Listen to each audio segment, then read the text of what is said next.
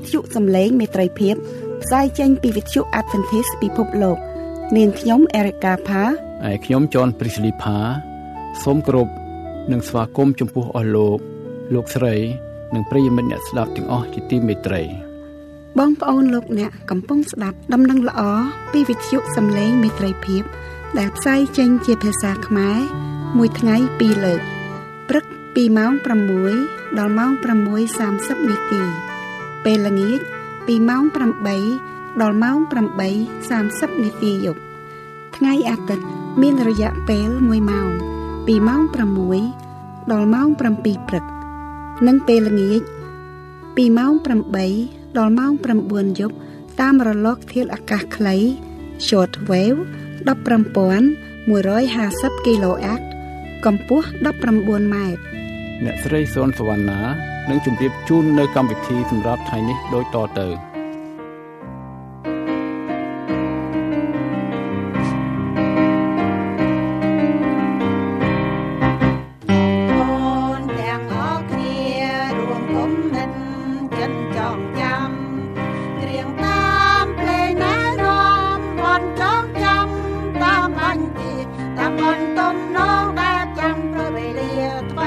នា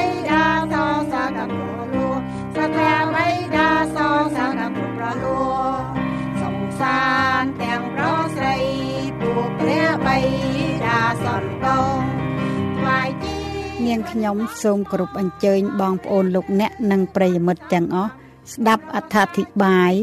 នៃព្រះបន្ទូលព្រះដែលនាំមកដោយលោកគ្រូសនសុផាតសូមអញ្ជើញទទួលសន្ដាប់ដូចតទៅ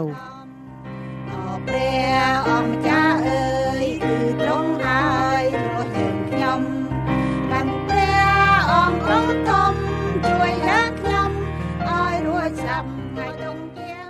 បាទជំរាបសួរបងប្អូនសុនភ្ងាបងប្អូនគ្រឹះបរិស័ទទាំងអស់បងប្អូនដែលកំពុងស្ដាប់បញ្ជូសម្លេងមត្រីភាពទាំងអស់ជាទីគោរពនិងជាទីស្រឡាញ់នៅក្នុងព្រះអង្គម្ចាស់នៅក្នុងនីតិអត្ថាធិប្បាយព្រះគម្ពីរថ្ងៃនេះខ្ញុំសូមលើកយកនៅប្រធានបទមួយអឺពីព្រះគម្ពីរវិវរណៈចំពុក18គឺការត្រាស់ហៅចុងក្រោយបង្អស់ពីបលាំងនៃប្រគុណរបស់ព្រះមុននឹងចាប់ផ្ដើមមើលបទបន្ទូលនេះខ្ញុំសូមអញ្ជើញបងប្អូនសង្រួមកាយអធិដ្ឋានសូមពរពីព្រះជាម្ចាស់ជាមួយនឹងខ្ញុំ អរព្រះវរបិតាទៅគង់នៅឋានសួគ៌ទូមគុំសូមអរគុណព្រះអង្គដែលទ្រង់ប្រទានពរប្រទាននៅព្រះបន្ទូលដ៏រស់ហើយនៅក្នុងថ្ងៃនេះព្រះអង្គទ្រង់បានប្រទានទូមគុំទាំងអស់គ្នានៅការត្រាស់ហៅពីបលាំងនៃប្រគុណរបស់ព្រះអង្គសូមព្រះជាម្ចាស់ប្រទានពរឲ្យទូមគុំឲ្យបងប្អូនជាច្រើនទៀតបានស្វែងយល់ហើយបានមើលឃើញថានេះគឺជាឱកាសដ៏ពិសិដ្ឋសម្រាប់បងប្អូនទាំងអស់គ្នា ក្នុងការត្រៀមខ្លួនសម្រាប់ទទួលជីវិតអស់កលជានិច្ចហើយនឹងទទួលព្រះយេស៊ូវគ្រីស្ទដែលទ្រង់និយាងមកនៅក្នុងពេលដ៏ខ្លីខាងមុខទូមគុំសូមអធិដ្ឋានដោយនៅព្រះនាមព្រះអង្គចាស់ព្រះយេស៊ូវគ្រីស្ទអាមែនបងប្អូនជួនភ្ងានៅក្នុងបទបន្ទូលនេះជាប់តាក់ទិនជាច្រើនទៀតប៉ុន្តែខ្ញុំមិនលើកយកមកបរិយាយជាលម្អិតទេពីព្រោះថាពេលវេលាយើងខ្លីខ្ញុំគ្រាន់តែជម្រាបជូនបងប្អូនត្រួសត្រាសថាបើសិនជានេះជាការត្រាស់ហៅចុងក្រោយមកអស់ពីបលាំងនៃប្រគុណ ដូច្នេះមានការត្រាស់ហៅពីបលាំងរបស់ព្រះអង្គនៃបលាំងនៃប្រគុណរបស់ព្រះអង្គពីមុននឹងច្រើនដងទៀតដែរជាពិសេសនៅក្នុងវិវណៈចំពុក14នេះបងប្អូនលោកអ្នកដឹងហើយថាខ្ញុំបានអធិប្បាយជារឿយរឿយជាហោហែអំពីដំណឹងល្អនៃទេវតា3គឺទេវតាទី1ប្រកាសឲ្យយើងកោតខ្លាចដល់ព្រះហើយសរសើរស្រីល្អរបស់ទ្រង់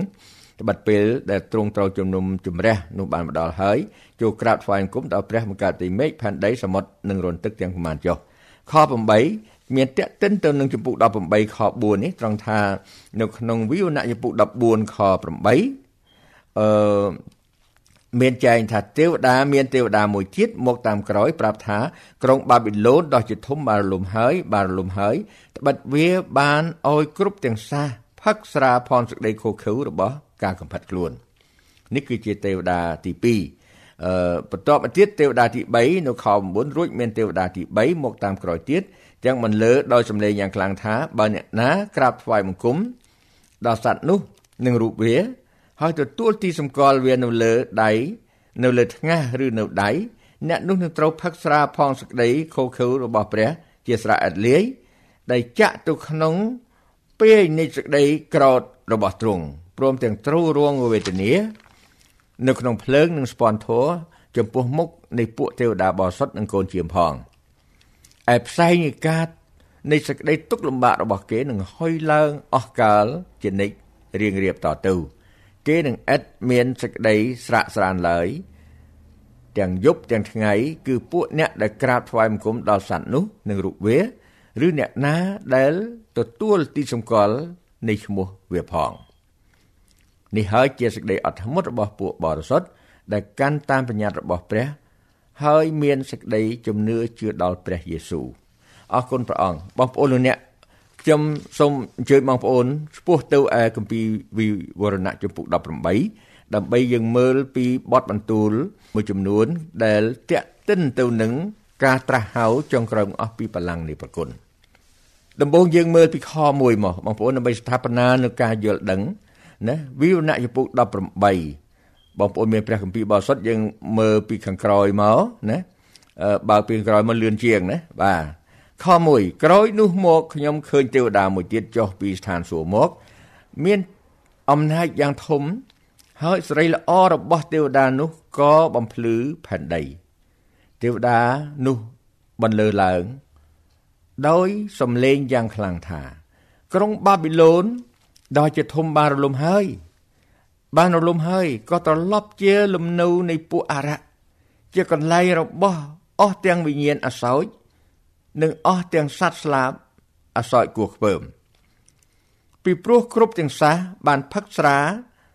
របស់សេចក្តីខូខើផងសេចក្តីកំផិតវាពួកស្ដេចនៅផែនដី បានសហាយស្មន់នឹងវា ហើយពួកជំនួញនៅផែនដី បានត្រឡប់ជាមានឡើងដោយអំណាចនៃការហឺហារបស់វាដែរបងប្អូនខ4ដែលជាចំណុចកណ្ដាលនៅក្នុងការដែលខ្ញុំអត្ថាធិប្បាយនៅថ្ងៃនេះខ្ញុំក៏ឮសំឡេងមួយទៀតពីលើមេឃពោលថារះអញអើយចូលចេញពីទីក្រុងនោះមកដើម្បីកុំឲ្យត្រូវមានចំណែកក្នុងអំពើបាបវាឡើយក្រែងត្រូវវេទនាដូចជាវាដែរបងប្អូនលោកអ្នកយើងមើលចំណុចនេះយើងឃើញថា បទបន្ទូលនៅក្នុងខ4នេះគឺការត្រាស់ហៅរបស់ព្រះថាអរិះអញអើយចូលចេញពីទីក្រុងនោះមកបងប្អូនទាំងអស់គ្នាស្ដាប់បានពាក្យថាអរិះអញអើយទេ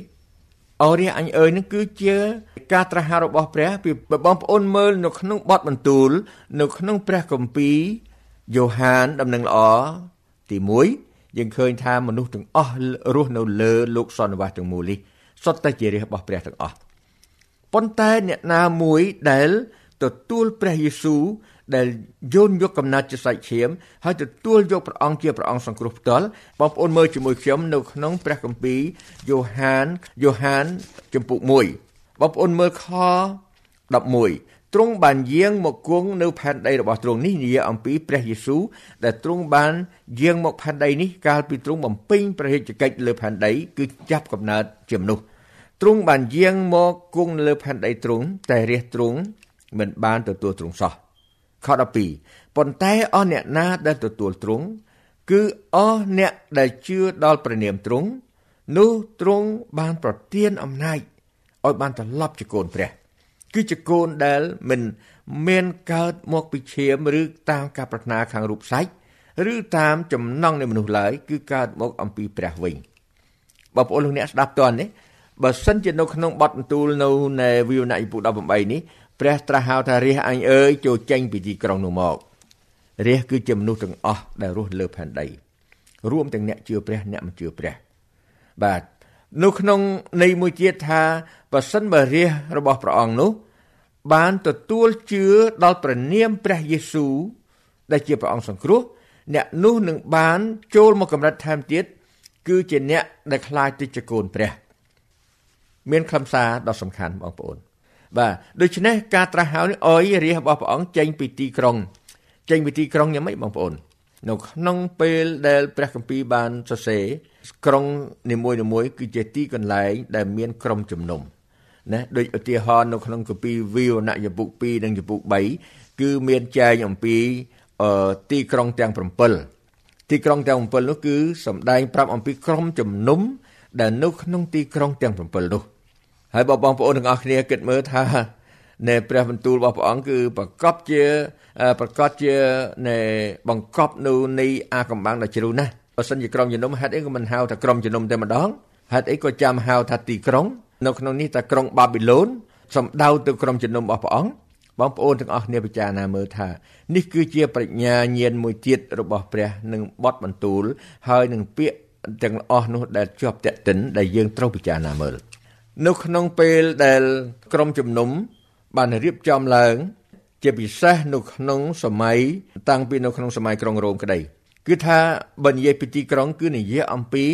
រដ្ឋបាលគ្រប់គ្រងរបស់ប្រទេសមួយ គេសំដៅទៅលើទីក្រុង ទីក្រុង គឺជា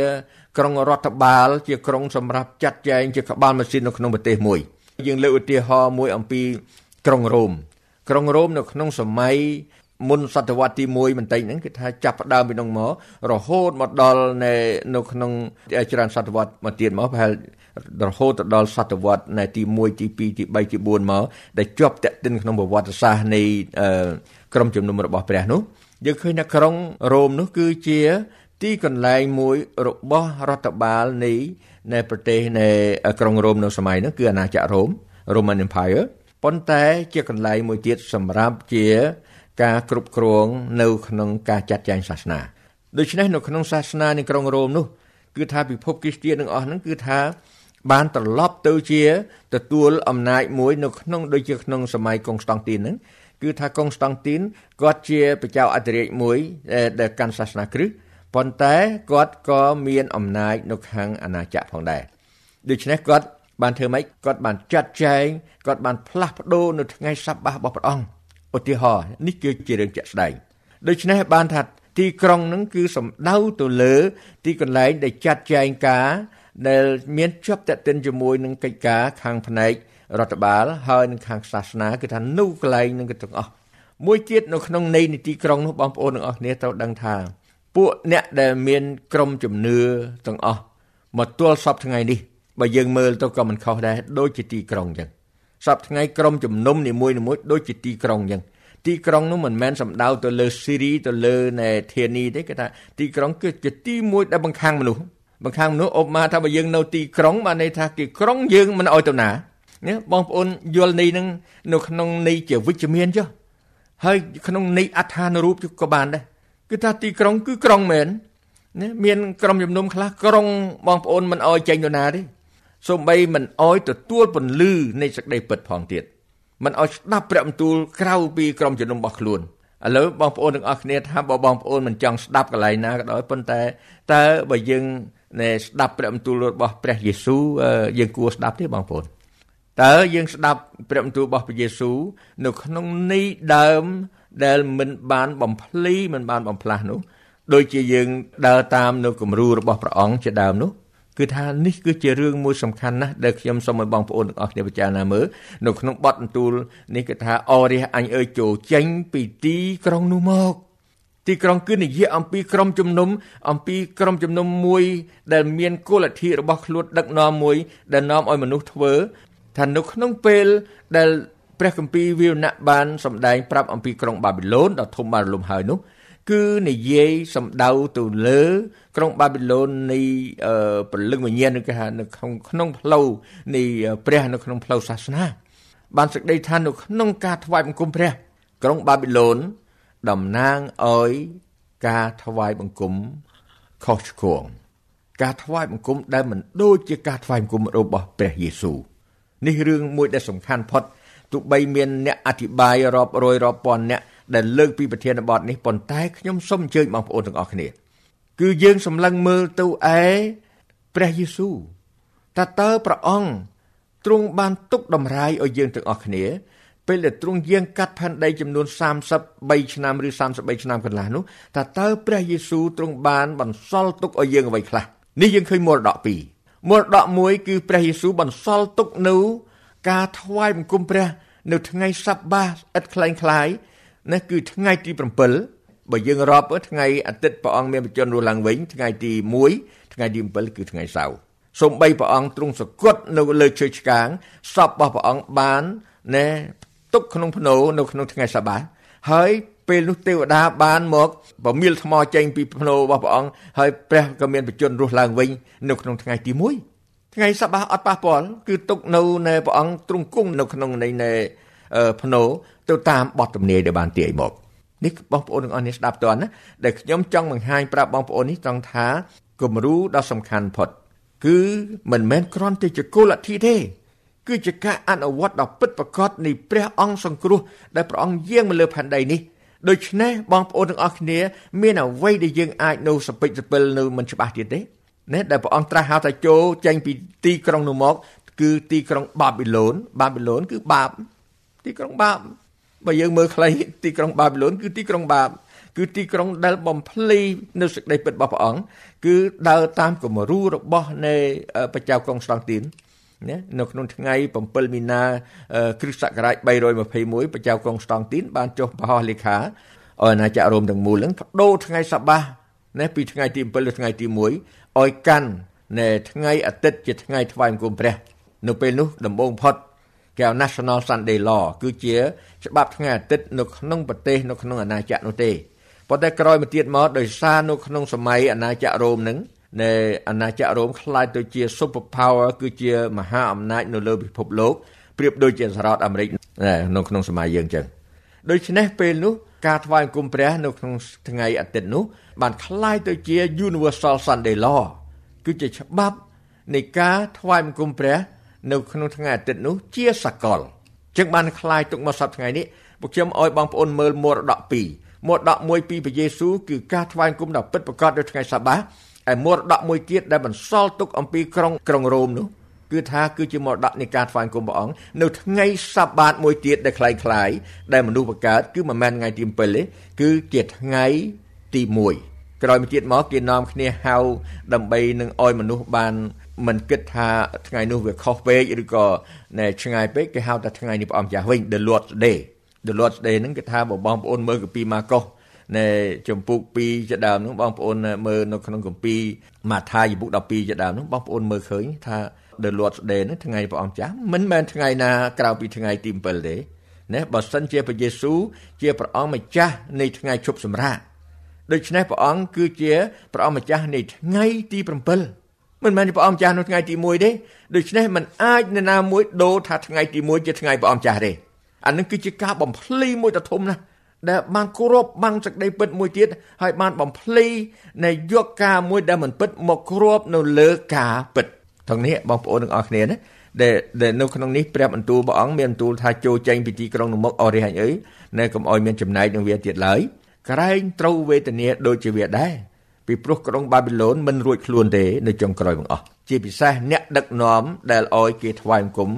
របៀបបាប៊ីឡូនបងប្អូនទាំងអស់គ្នាស្ដាប់តើនេះនៅក្នុងនេះបងប្អូនទាំងអស់គ្នាបើគាត់តែយើងបើកមកស្លឹកទៅមុខនៅក្នុងវីវណាចំពុក19ខ្ញុំសូមឲ្យបងប្អូនទាំងអស់គ្នាទាំងអ្នកប្រកាសផ្សាយដំណឹងទាំងអ្នកបម្រើព្រះឲ្យមើលមែនទែនប្រយ័ត្នលោយើងមិនបាននៃចេញពីក្រុងបាប៊ីឡូនយើងនៅតែធ្វើការ យ៉ាងហឹកហាក់ទៀតនៅក្នុងអានេក្រុងបាប៊ីឡូនបងប្អូនមើលនៅក្នុងនៃវីវណាចំពុក19ខ20សត្វនោះក៏ត្រូវចាប់បានបងប្អូនទាំងអស់គ្នានៅក្នុងកាពីនេះសត្វនោះនឹងគឺចង់និយាយអំពីអ្នកដែលថ្វាយបង្គំមិនពិតប្រកបនឹងគេថាសត្វនោះត្រូវចាប់បានព្រមទាំងហោរាคล้ายคล้ายដែលនៅជាមួយផង ជាអ្នកដែលធ្វើទីសម្គាល់នៅមុខវាដើម្បីនឹងបញ្ឆោតពួកអ្នកដែលទទួលទីសម្គាល់របស់សត្វ និងពួកអ្នកដែលក្រាបថ្វាយបង្គំដល់រូបវាដូច្នេះអ្នកថ្វាយបង្គំដែលមិនត្រូវដោយព្រះយេស៊ូវនឹងគេថាត្រូវបានគេបញ្ឆោតបញ្ឆោតបានយ៉ាងម៉េចបងប្អូនបញ្ឆោតថារឿងជារឿងពិតប៉ុន្តែរឿងអត់ពិតបងប្អូនទាំងអស់គ្នាមើលមែនទេដើម្បីនឹងបញ្ឆោតពួកអ្នកដែលទទួលទីសម្គាល់របស់សត្វនិងពួកអ្នកដែលក្រាបថ្វាយបង្គំដល់រូបវា ហើយវាទាំងពីរក៏ត្រូវបោះទាំងរស់ទៅក្នុងបឹងភ្លើង ដែលឆេះដោយស្ពាន់ធរបងប្អូនទាំងអស់គ្នា មានអ្នកអធិប្បាយច្រើនណាស់ដែលគេ នាំគ្នាវាញែកវិភាគលំអិតណាស់ពីរឿងបឹងភ្លើងនឹងអ្នកខ្លះថាអស់កាលយនិកអ្នកខ្លះថាអស់កាលយនិកនឹងមិនមែនអស់កាលយនិករហូតទេគឺថាវាមានកម្រិតមានចេះចុះចុះបងប្អូនទាំងអស់គ្នាចាំពិបាកទៅវាកញែកពីរឿងនៃភ្លើងបឹងភ្លើងនឹងនៅក្នុងនឹងក្តៅបណ្ណាមិនសូវក្តៅអីយ៉ាងម៉េចចុះយើងកុំទៅចិត្តទៅបានទេបងប្អូនហើយយើងដើរជិះទៅពីព្រោះកន្លែងហ្នឹងព្រះបន្ទូលប្រាប់ថាកុំអោយចង់ទៅកន្លែងហ្នឹងសំបីកន្លែងបឹងភ្លើងថាអត់ភ្លើងឆេះក៏ដោយក៏មិនគួរទៅដែរ ចុះឥឡូវនេះបើព្រះរៀបចំផ្លូវដើម្បីឲ្យយើង បានចូលមកទទួលមកុដជីវិត ហើយទទួលនៅនៃរង្វាន់ដ៏ធំរបស់យើងបងប្អូនទាំងអស់គ្នាទៅខ្វល់ខ្វាយអីពីរឿងនៅបឹងភ្លើងហ្នឹងនៅអស់កាលមិនអស់កាលក្តៅមិនក្តៅប្រហែលអង្សានេះបងប្អូនយើងគិតមើលត្រង់នេះហើយដែលខ្ញុំអោយបងប្អូនទាំងអស់គ្នាណាចាប់យកសេចក្តីដែលព្រះត្រាស់បង្គាប់នេះហើយពិចារណាមើលឲ្យមានទានពីព្រោះថា នៅក្នុងពេលចុងសករាជនេះ កំពុងតែមកដល់ហើយ ដូច្នេះសេចក្តីលំបាកវេទនាមានច្រើនយ៉ាងណាស់ខ្ញុំលើកសង្ខេបខ្លីនេះដោយពេលវេលាដល់ហើយខ្ញុំក៏ជម្រាបជូនបងប្អូនថានៅក្នុងពេលចុងក្រោយបង្អស់នេះតែមុនពេលដែលព្រះយេស៊ូវយាងមកជាលើកទី2បងប្អូនគឺនៅក្នុងកាពីវិវរណៈយពុ18នេះគឺថាមានជាបទទំនាយដែលទាយអំពីគេហៅ the threefold woe over Babylon fall គឺថាជាសក្តីវេទនា3ស្ទួនដែលកើតឡើងដោយសារការធ្លាក់ចុះនៃក្រុងបាប៊ីឡូន ដូច្នេះនៅក្នុងបាប៊ីឡូននេះគឺថាជារឿងមួយដែលមនុស្សទាំងអស់គ្នាត្រូវពិចារណាមើលឡើងវិញពីព្រោះថាសក្តីទុក្ខវេទនានោះគឺថា3យ៉ាងដ៏សំខាន់ណាអាណាចក្ររបស់ព្រះនឹងយាងមកជំនួសនៅក្នុងអាណាចក្រទាំងមូលលើផែនដីដូច្នេះបងប្អូនទាំងអស់គ្នាបងប្អូនមើលទៅនៅគម្ពីរ3ខជាមួយខ្ញុំនៅគម្ពីរវេណៈចំពុក18យើងនឹងមើលឃើញថាតើព្រះគម្ពីរនឹងសម្ដែងយ៉ាងម៉េចអំពីពិភពទាំង3 ដែលទទួលនៅសេចក្តីវេទនាទាំង3នេះបងប្អូនមើលនៅខ10គេនឹងឈរពីចម្ងាយដោយខ្លាចសេចក្តីវេទនារបស់វា ទាំងនិយាយថាវេទនាវេទនាហើយក្រុងបាប៊ីឡូនដ៏ជាធំហើយខ្លាំងពូកែអើយត្បិតសេចក្តីជំនុំជម្រះឯងបានសម្រេចក្នុងគណៈតែ1ម៉ោងទេបងប្អូនទាំងអស់គ្នាឃើញទេនេះនិយាយអំពីអីបងប្អូននិយាយអំពី Mighty City គឺជាក្រុងដ៏ខ្លាំងពូកែ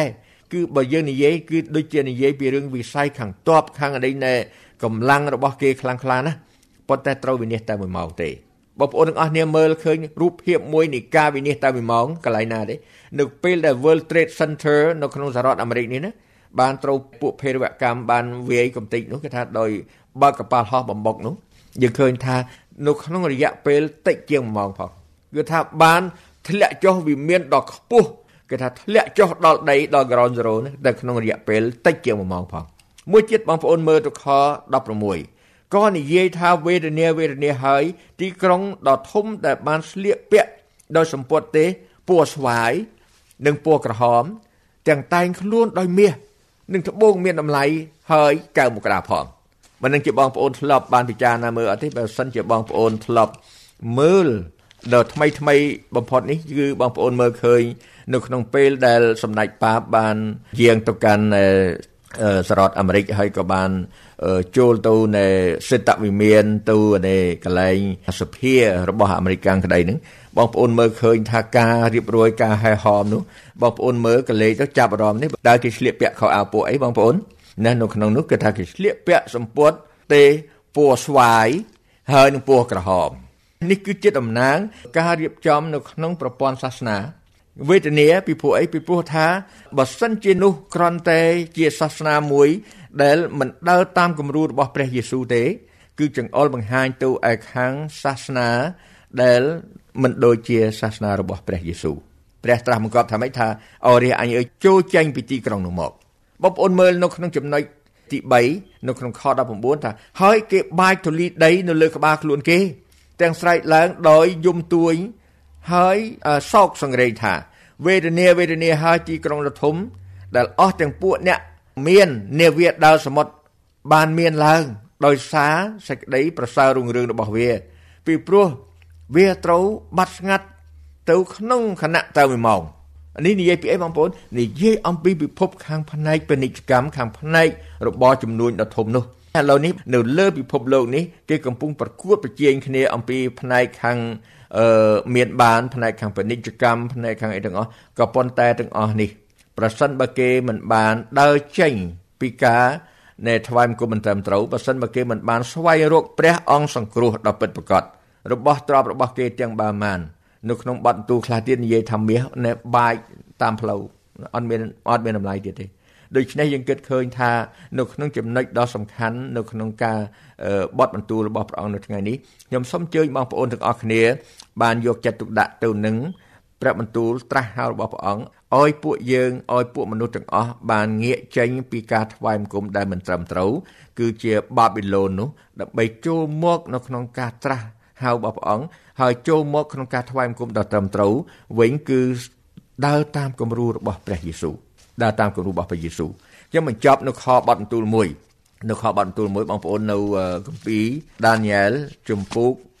12ដានីយ៉ែលជំពូក12មានបទបន្ទូលមួយល្អមែនទែនបងប្អូនខ្ញុំសូមឲ្យបងប្អូនទាំងអស់គ្នាអឺយកចិត្តទុកដាក់ស្ដាប់នៅបទបន្ទូលនេះជំពូក12ខ1នៅគ្រានោះមីកែលជាមហាទេវតាដែលតំណាងពួកកូនចៅរបស់សាសអ្នក